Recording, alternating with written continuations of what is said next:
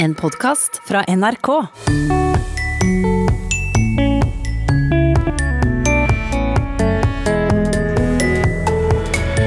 Koronapandemien har satt sine spor i språket, med nye ord som søringkarantene og hytteskam. Eller danskenes nye ord på lengselen etter en klem.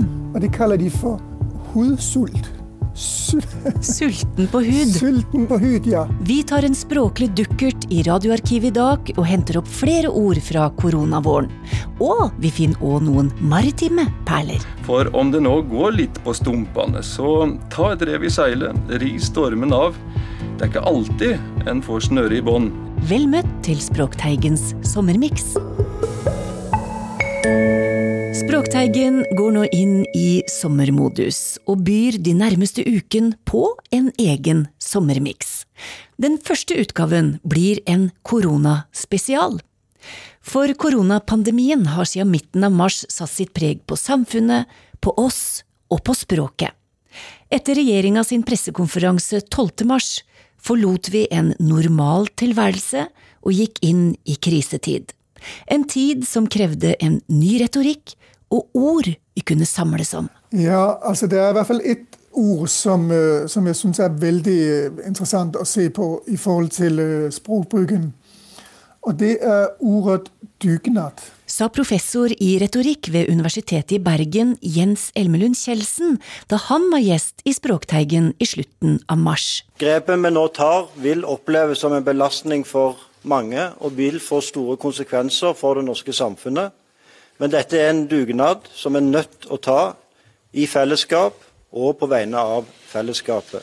Altså I mange situasjoner i mange land øh, hvor man har en sånn krise, så vil man stikke ut ordre og fortelle folket hva de skal gjøre. Og så vil man gi inntrykk av at 'jeg har situasjonen om kontroll, jeg håndterer'. Men i Norge har vi brukt ordet dugnad både som et konkret ord og metafor, men også som en generell tilgang til dette her. Og dugnad betyr at det ikke bare er Erna Solberg sitt ansvar, det er ikke bare helsemyndighetens ansvar. Det er vårt alles ansvar. Og alle må gjøre noe. Fordi en dugnad er jo nettopp definert ved at alle bidrar i smått og stort til å gjøre noe. Og det er jo en, en øh, meget effektiv måte å se krisen på, og få folk til å um, handle på den riktige måten. Men som i alle dugnader, da, det er ikke alle som vil være med og holder seg hjemme, eller dra på hytta, da, i dette tilfellet? Ja, det gjør de. Og det, det er klart at noen føler kanskje at nå ble det litt mye, og nå har vi lyst til å gjøre noe annet. Så det som er typisk med retorikk, er at du kan jo ikke tvinge folk til noe. Det kan du gjøre med lover med politi og militær. Men den gode retorikken får jo folk til å gjøre det du har lyst til å gjøre, det du mener det er riktig å gjøre, er deres egen fri vilje. Det var ikke bare politikere og myndigheter som fikk satt språket sitt på prøve. Karoline Riise Christiansen hadde akkurat begynt som språksjef her i NRK da koronakrisen inntraff, og hun kunne fortelle at det òg bød på utfordringer for journalister som skulle formidle nyheter om krisa. Det var utfordrende på flere måter, fordi at korona det var rett og slett ukjent for oss. Vi hadde på et vis ikke språket, vi mangla ord. Og når jeg sier at vi mangler ord, så viser jeg både konkrete ordet korona, som vi en gang ikke visste at vi hadde i norske ordbøker fordi at det var så lite brukt, og til krisespråket vårt. Men journalister er jo vant til å rapportere fra kriser? Vi har jo hatt flere kriser i nyere tid, både 11.9. og her i landet 22.07. Men en så stor nasjonal krise, det, det har ikke vi hatt siden andre verdenskrigen. Og hva ord skal vi bruke, og hvordan kommuniserer vi en slik krise, en pandemi? Det var ikke enkelt å vite med det samme. Det er dessuten krevende å formidle nyheter om et ukjent fenomen som ingen kan se, men som alle gjerne vil forstå, eller noe vi må forholde oss til, men som vi ikke vet hvordan fungerer. Og igjen så var professor i retorikk Jens Elmelund Kjeldsen gjest i Språkteigen, og fortalte om én journalist han mente fikk til dette på en god måte, ved hjelp av velkjente retoriske virkemidler. Det er Halvard Sandberg, For han er jo både en klok og en veldig festlig journalist som alltid, nesten alltid iallfall, snakker i bilder og forsøker å gjøre det generelle konkret. Og du har kanskje både sett og hørt Halvard Sandberg her i NRK fortelle om det snikende koronaviruset. Denne viruset her, det er ikke lett å forholde seg til, altså. Det er som tyver som eh, du må prøve å ta før de har stjålet noen ting i det hele tatt, bare for du vet at de er tyver. Og om hvordan vi skal forholde oss til viruset når vi ikke kan se det, f.eks. når du skal ete. Ikke gjør det på rutine. og Jeg tar alltid bagetten sånn, så spiser jeg. Jeg tar alltid sjokoladen sånn, så gjør jeg. Nå gjør du ikke det. Nå sier jeg ok, den er dekt av hundeavføring, utsiden. Ja, altså Han snakker jo om koronakrisen. Og han snakker både om smittespredning og om selve virusen. Og alle disse ting er jo faktisk noe vi ikke kan se, og noe som er ganske vanskelig å forstå. Men så klarer han å formulere språket på en måte så vi tenker å ja, sånn er det. Mm. Men kan du si da hvilke retoriske virkemidler han faktisk bruker? Altså Han bruker øh, det levende og det visuelle. Man, man kan si at han bruker bilder og beskrivelser. Så bruker han sammenligninger og fortellinger, og så bruker han metaforer. Og det han gjør med alle disse tre ting, det er at han forsøker å konkretisere det generelle. Han hadde f.eks. en beskrivelse hvor han skulle fortelle om verdien av å bruke munnbind. Og Det er bare et veldig enkelt eksempel, men det viser hva, hva visuelt han tenker. Eh, Jo, munnbind er veldig effektivt for å forhindre at du smitter andre. Kan du forklare hvordan? Ikke forhindre, men i hvert fall begrense. Da. Nei, for du har jo, du har jo lukka igjen den der gapet som spruter ut virus. Du har jo, liksom, du har jo tørkle foran. De blir jo bedt om når du nyser eller hoster, så skal du ha lommetørkle. ikke sant? Og det er først når du liksom hører det, tenker å ja, det kommer jo veldig mye ting ut av munnen min hvis jeg hoster. Framfor bare å si ja, man kan ut, det kan gå øh, bakterier eller virus ut når vi gjennom øh, munnveiene. Så det vil være et sånn veldig enkelt eksempel på han, han ser visuelt. Og det vet vi jo egentlig helt tilbake fra antikken, altså 2000 år tilbake. De gamle romere og grekere som lærte oss om retorikk. Cicero, Aristoteles, selv professoren Quintilian, som var verdens første professor i retorikk, de snakket om at øh, det visuelle, det visuelle er verdens sterkeste sans. Vi har òg et eksempel der han tar i bruk det du kaller en retorisk fortelling. Nei, han, har, han hadde en fortelling, han har jo mange forskjellige fortellinger, men han hadde en fortelling som også er en slags analogi, og analogi også en slags sammenligning. Og fortellingen var om, om høns. Og den kom etter at restriksjonene hadde vart ei stund og dugnaden så ut til å virke. Og så da må du ikke liksom sånn Å ja, ok, tallene ser fine ut eh, nå. Kan vi kanskje kline litt igjen, eller et, et eller annet? ikke sant? Nei! Du kan ikke det, ikke sant? Jeg kan ikke det. Jeg, eh, jeg, prøvde å bruke en sånn bilde med det at det, ok, du, hønsene dine blir tatt av reven.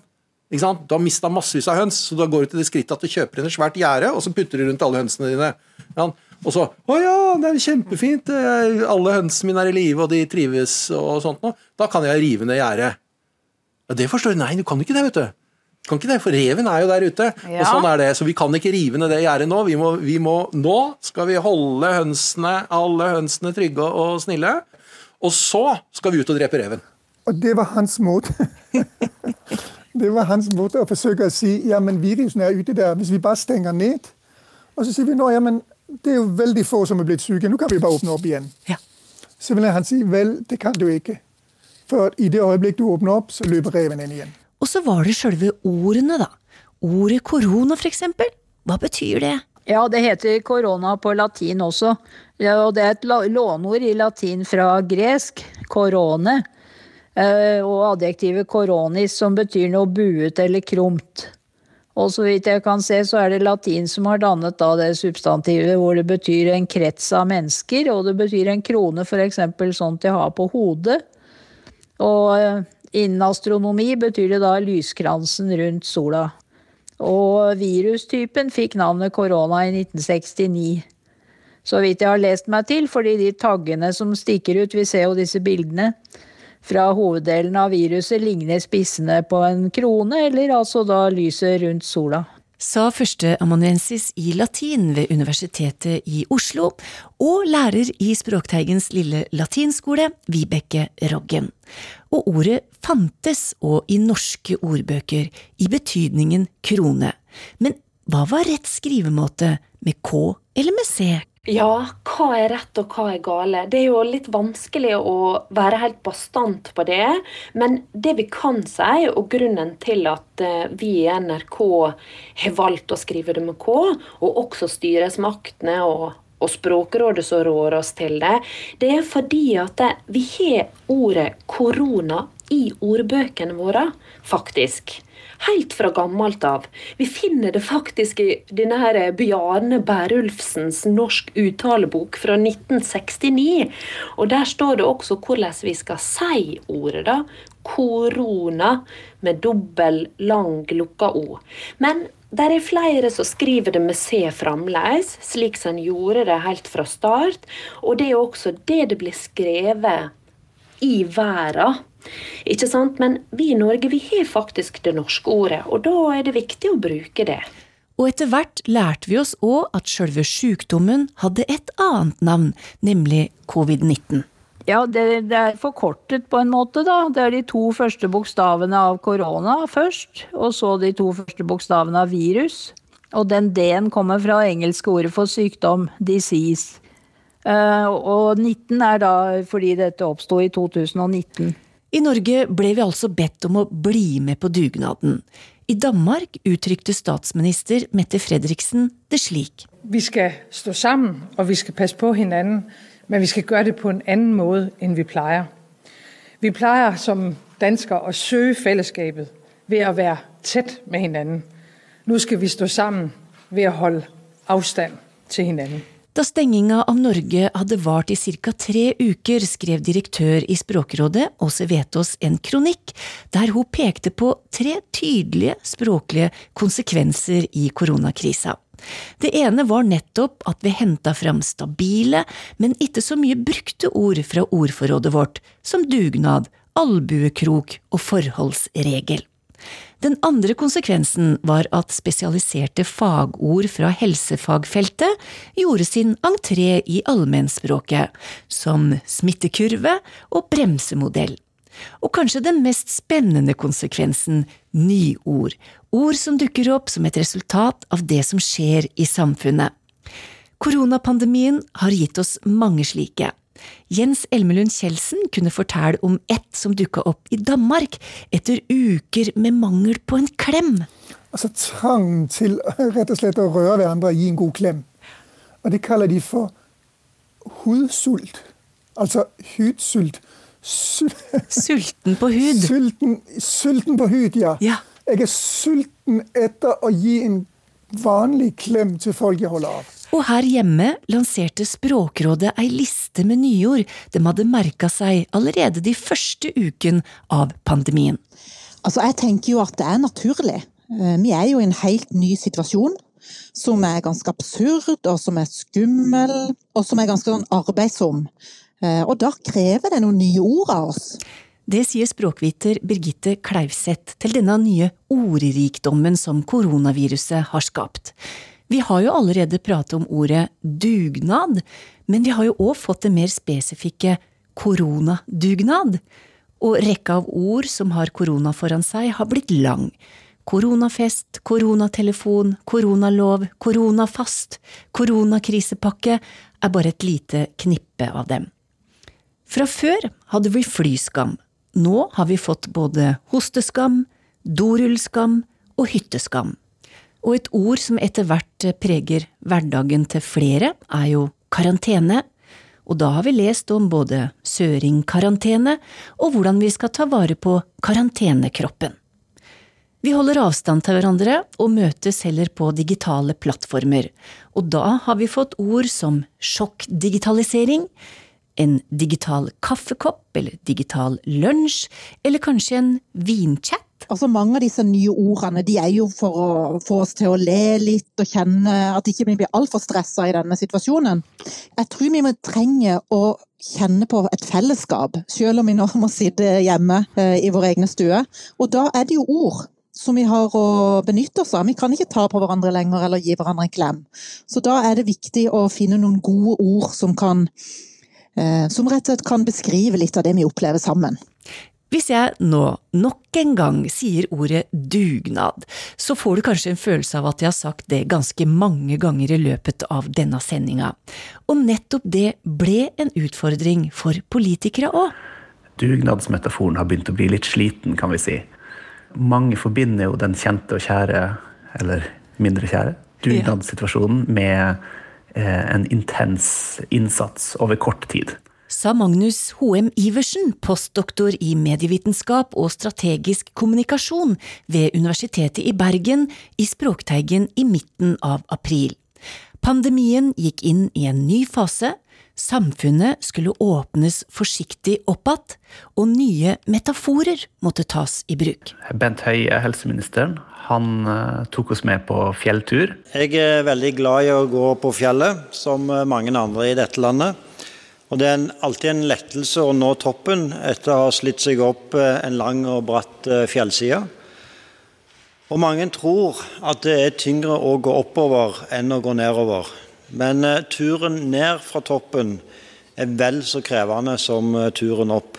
Derfor er det veldig viktig å gå varsomt ned igjen. Statsministeren vår Erna Solberg hun tok oss med på fotballkamp. Jeg har sterkt, sterk behov for å si at vi ikke kan senke skuldrene og tro at vi nå kan lene oss tilbake og bevege oss tilbake til hverdagen sånn som det var før.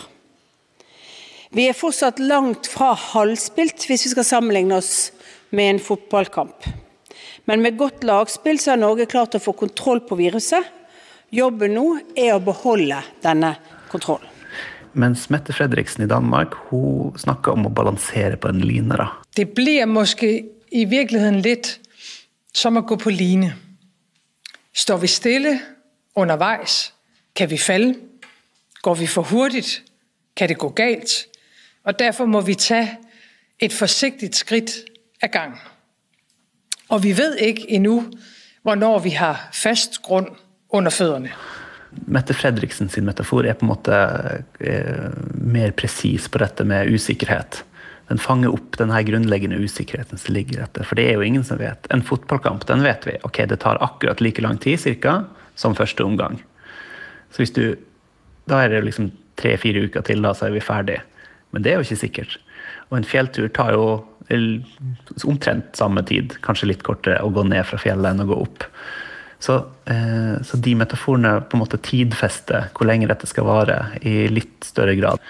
Og, og eh, en ting som kanskje er litt interessant, det er jo at hvis det viser seg at eh, man har skapt for mye optimisme, f.eks., mm. og at smitten eh, blusser opp igjen, da, man, da, kommer man til å trenge helt nye metaforer igjen. Fordi da må man igjen stå foran folket som leder og forklare hvorfor vi nå igjen må stramme inn. Og da har vi havna i enda en ny ukjent situasjon, som krever en ny metafor. Samfunnet åpna igjen, og i slutten av april fikk de minste unga komme tilbake til barnehager og skoler. Da ble mange kjent med et ord som helt sikkert ikke lå lengst fram på tunga, nemlig kohort. Ja, det brukes eh, for meg som eh, klassiker, det betyr jo en hæravdeling av romerske hæren i antikken. Eh, men eh, hvis man ser nærmere på ordets betydning, så er det opprinnelig en eh, innhegning. Et gårdsrom eller et, en innhegning for krøtter ute på landet, da. Ja. Og det, i den betydningen har latin lånt ordet fra gresk, og det heter det kjortos. Og så er det blitt overført ved metonymi, altså at et ord er flyttet over Eh, fra, som, fra, selve innhegningen til dem som er inni den, da, og så er det blitt til en avgrenset mengde. Så sånn sett eh, er det jo meningen at disse barna skal være avgrenset da, ja. og holde seg for seg selv. Men eh, ordet er i f.eks. på Ciceros tid særlig brukt i krigsspråket. Om en tiendedel av en legion. Men hva syns du om valget av ord? Ja, jeg liker jo alltid at man bruker ord fra klassiske språk, men det, det jo, kan jo være gjenstand for diskusjon eh, om noe som assosieres særlig med krigsspråket, da, om det er regnet til eh, småbarn. Men eh, hvis man mener at småbarna også skal krige mot viruset, så passer jo det. Sa Vibeke Roggen. Og vi runder av Språkteigens koronaspesial med ordet helseminister Bent Høie sendte med oss inn i sommeren i slutten av juni, nemlig meteren. Og meteren den er faktisk lengre enn en skulle tro. Så jeg har eh, tatt med en tommelstokk nettopp for å vise dere. Dette er den eh, avstanden som vi skal holde til hverandre i sommer. Og denne meteren det er den som nå holder samfunnet vårt fortsatt åpent.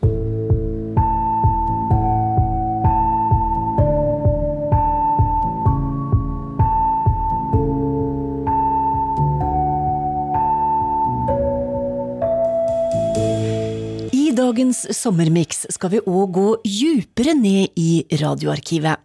I serien Språkglimt finner vi radioøyeblikk fra NRKs over 46 år lange historie med språkprogrammer i radio.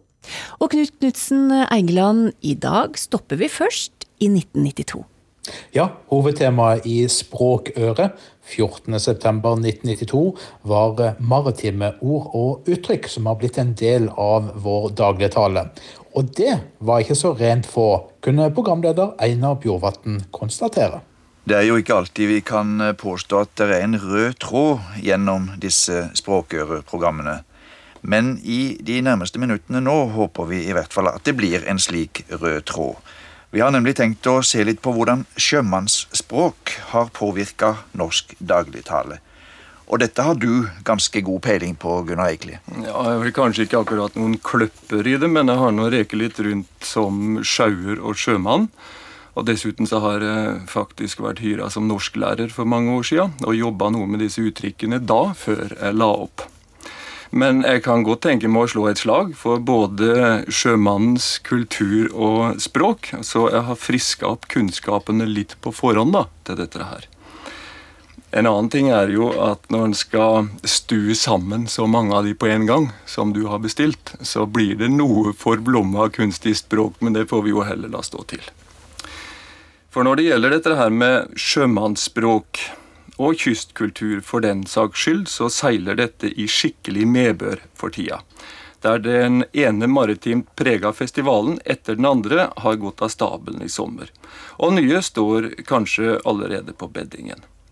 Da ligger kanskje dette med språk og leseferdighet mer i dødvannet, for jeg hørte på Dagsnytt for noen dager siden at norske elever sakker akterut i morsmålkunnskap i forhold til andre land. da.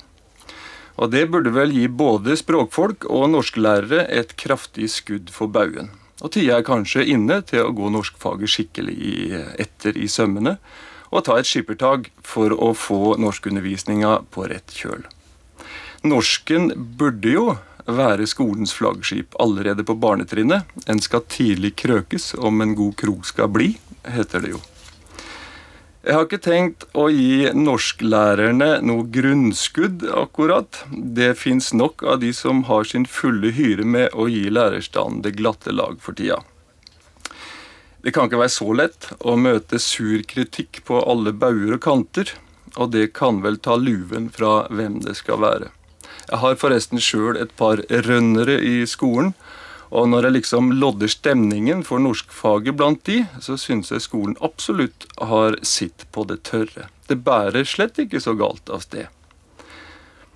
Om vi nå skal spe på enda tettere med disse uttrykkene fra sjø og skip, så kan jeg jo sende en oppfordring til skolen om å sette alle kluter til nå i høst. Så klarer de nok brasene. Det gjelder bare om at faget ikke får seile sin egen sjø. Men eh, lærere og elever tørner jo til nettopp i disse dager, så de får eh, gjøre opp bestikket når de kommer sammen. Noe omkalfatring her og litt justering av kursen der. Så bærer nok båten for alle parter, sjøl om det nok er en del skjær i sjøen. Stødige kunnskaper i norsk er god ballast for unge så vel som for den som har passert middagshøyden.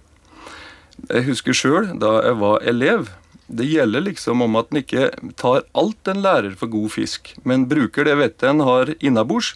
Ikke stå pal på sitt alltid, men skvære opp med læreren om en havner borti litt kinkige ting. Men jeg har som sagt også vært lærer, så vidt. Og um, om en nå skulle føle seg litt på dypt vann av og til, så må en bare ikke begynne å ro. Da kommer han fort i heisen, altså. For om det nå går litt på stumpene, så ta et rev i seilet, ri stormen av. En går ikke under om en føler seg litt groggy i all sjauen. Det er ikke alltid en får snøre i bånd i første vendinga. Nå gjelder det om å henge i stroppen. Det første strekket fram til høstferien. Så går det neste fram til jul som hakka bøkk. Og der tror jeg vi gjør eh, kuvending eller går over stag eller stopper. I alle fall eh, Einar Bjorvatn, for det blir jo veldig eh, oppstylta og noe forblommet språk da, av så mange uttrykk. Ja, Vet du hvor mange uttrykk du hadde greid å få trengt inn i denne lille monologen her? Ca. 40 som er direkte tilknytta sjø og skip. Og da er jeg temmelig sikker på at det var mange som uh, to for god fisk. Mange av disse uttrykkene uten å tenke på at de hadde noen maritim opprinnelse i det hele tatt. For de mm. er så vanlige. Nå ville vel føre for langt å komme inn på alle, men vi kan jo begynne der vi slutta, i og med at vi skulle ta en kuvending her.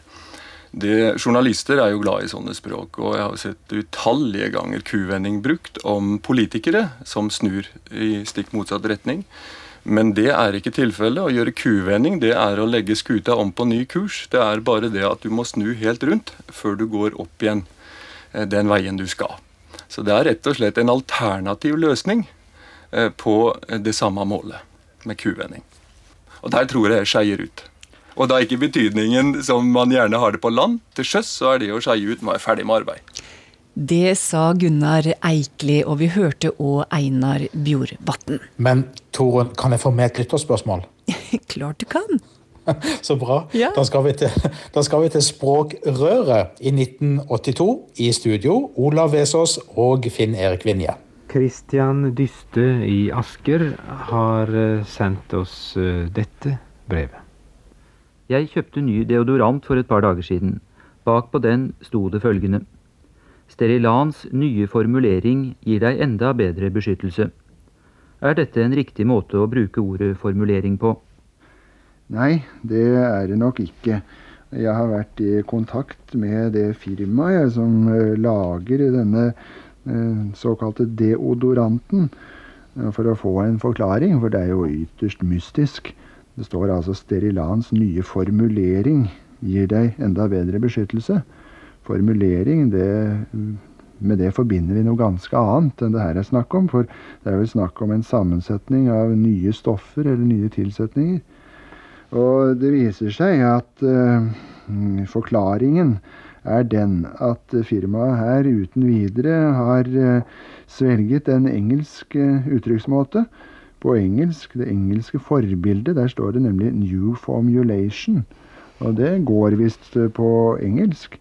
Og så tar firmaet og oversetter det til eh, ny formulering, noe som er ganske meningsløst. Men det viser seg jo, viser altså hvor eh, lett gjort det her, og kanskje spesielt i slik reklamespråk, at uh, produsentene tenker mindre på norsk enn å overføre et fremmed forbilde. Neste uke, hva har du tenkt å la oss få høre da? Du, eh, både neste uke og uka deretter så skal vi på ulike måter ta for oss skuespillere. Både deres språk og språkinteresse. Store alpakka!